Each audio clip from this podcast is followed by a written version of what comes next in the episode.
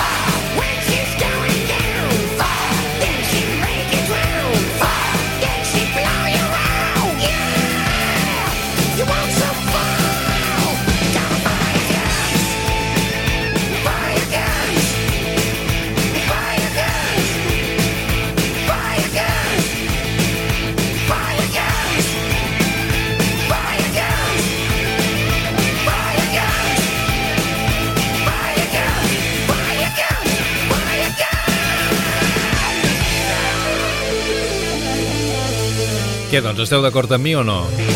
Temes com aquests s'han d'escoltar a tot drap, sí o no? Jo diria que sí, perquè és que si no, no disfrutes amb la mateixa intensitat. Fire Your Guns, ACDC. Anem ara a un altre estil absolutament diferent. Eh, així com ACDC, la majoria de temes són molt, molt trepidants. Hi ha artistes com la canadenca Alanis Morissette que té temes de tot tipus. I en aquest cas és un tema que comença bastant suau però que es comença animant i té una canya impressionant. El 1998 publicava el treball Supposed Former Infatuation Junkie i aquest era el tema Joining You, Alanis Morissette. Dear dog, you're a mom, my friend, left a message on my machine. She was frantic, saying you were talking crazy. to do. Away with yourself. I guess she thought I'd be a perfect resort. Cause we've had this inexplicable connection since our youth.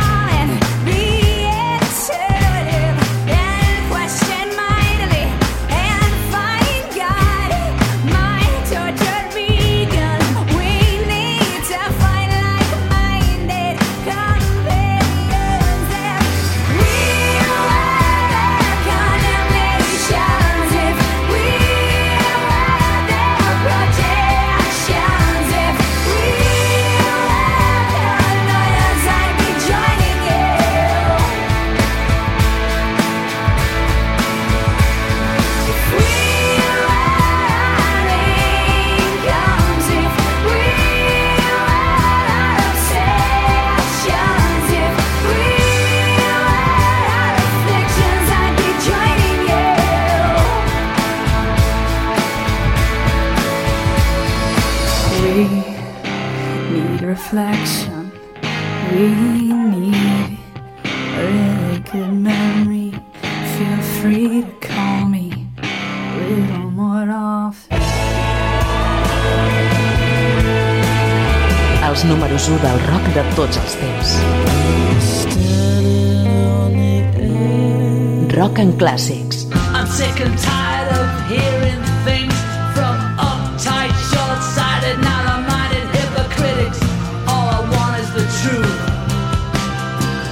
Just give me some truth. I've had enough of reading.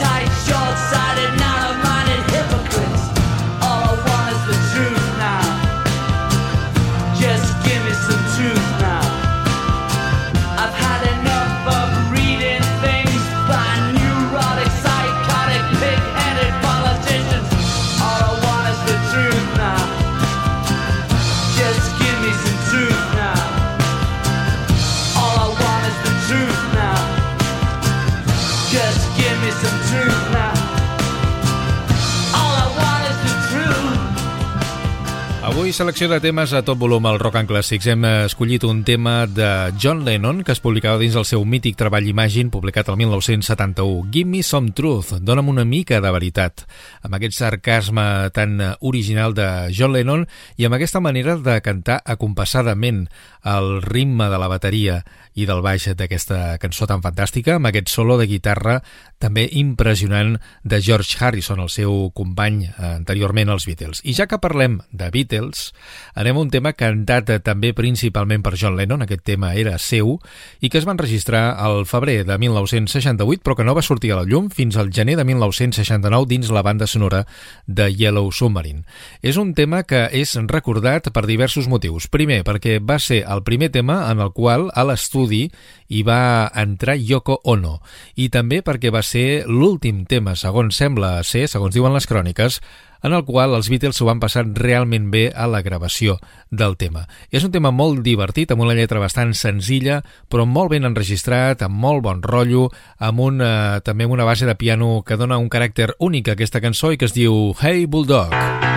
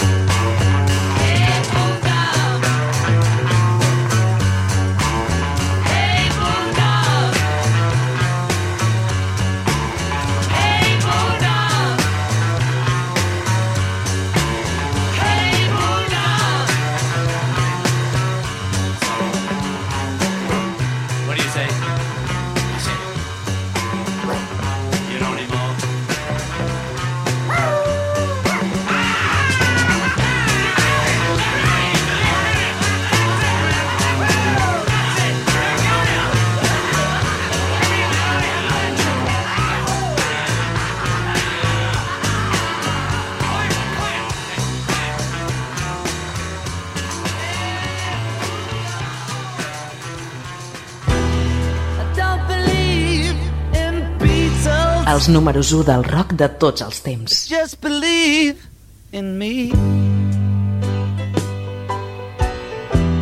Rock en clàssics, amb Esteve Llop, Ràdio Sant Cugat. One baby, two, another says I'm lucky to meet you. I don't care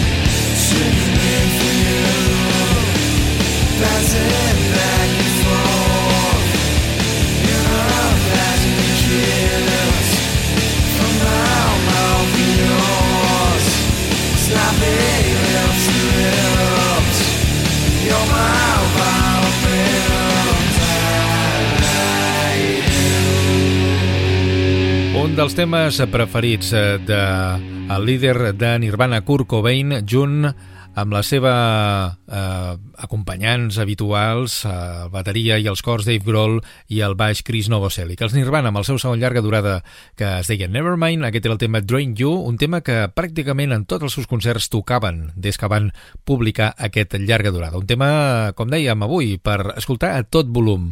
Com aquest altre de Foo Fighters, la banda de Dave Grohl, ex-bateria de Nirvana, el seu segon llarga durada es deia The Color and the Shape i aquest tema és increïble. Apugeu el volum, Monkey Ranch.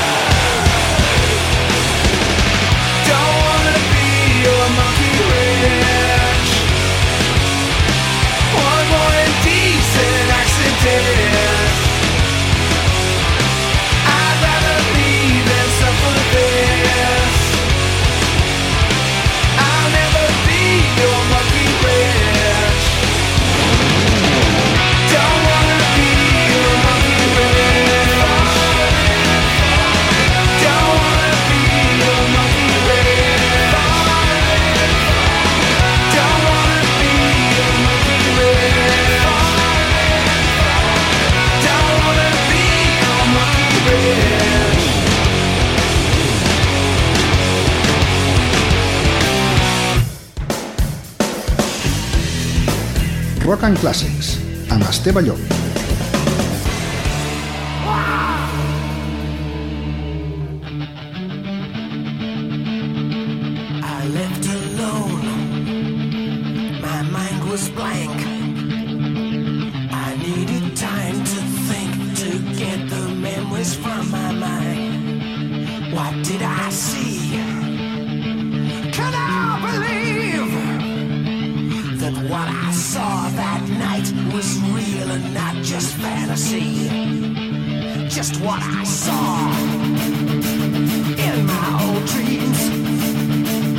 were the reflections of my Walkman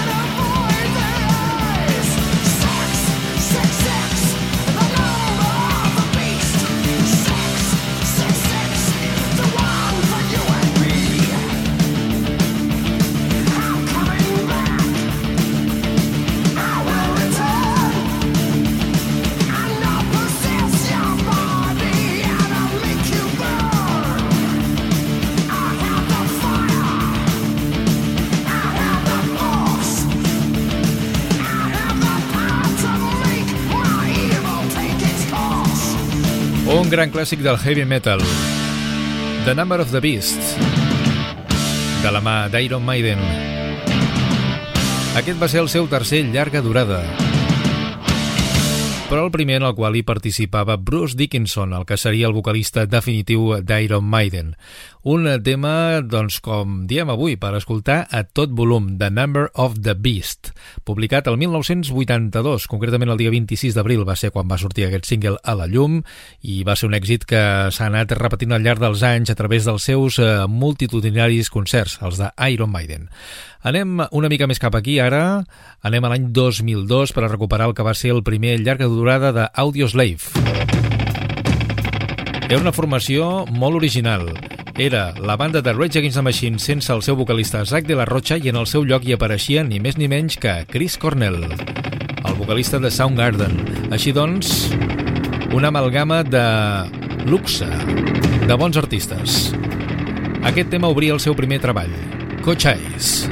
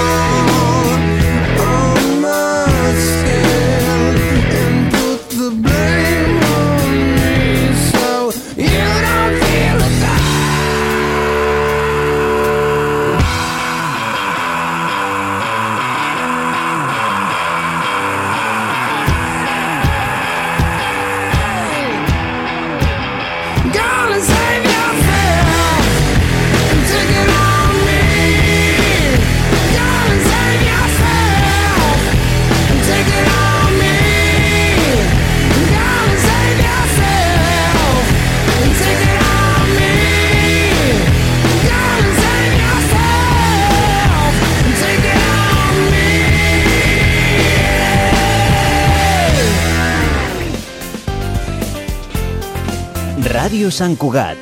Cugat Mèdia. Rock en Clàssics. Escolta els grans reserva del rock amb Esteve Llop. I ara tornem a casa amb els catalans Sau.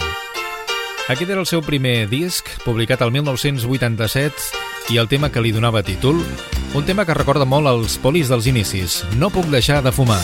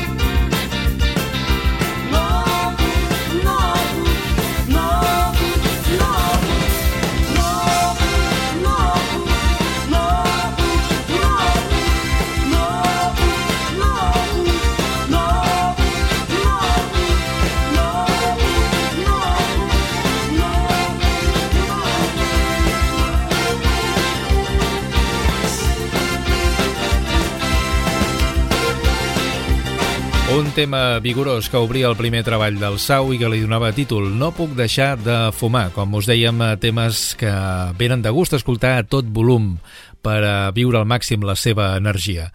Anem ara una mica més baixos de revolucions, però això sí, amb molta intensitat i amb un mestre, Jimi Hendrix. Amb un dels seus clàssics, Voodoo Child. Així sonava l'any 68 des del seu mític Electric Ladyland.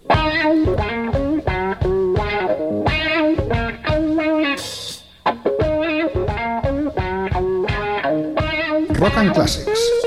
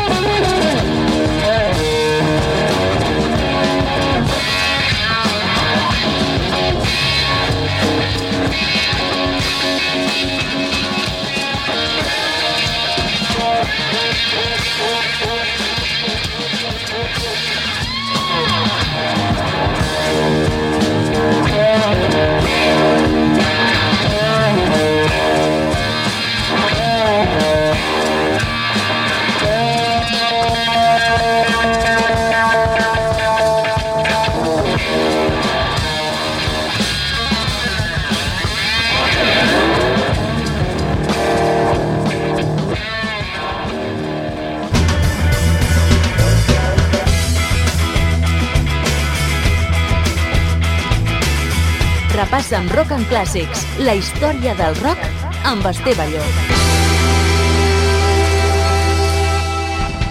Un dia més des de Ràdio Sant Cugat amb molta il·lusió per portar-vos eh, clàssics de la història de la música pop i rock. Ara amb un tema increïble. A mi em va sorprendre molt quan vaig escoltar aquest disc. Va ser el eh, debut de Jeff Buckley, publicat el 1994, i aquest és el tema que li donava títol, Grace. Una veu increïble i uns arranjaments excepcionals. Molt recomanable si no ho coneixeu. There's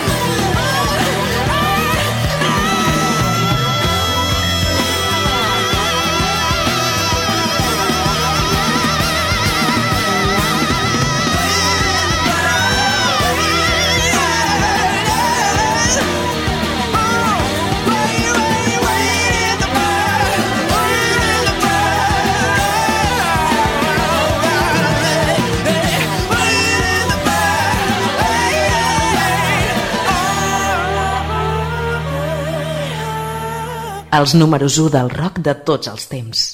Rock and Classics. hanging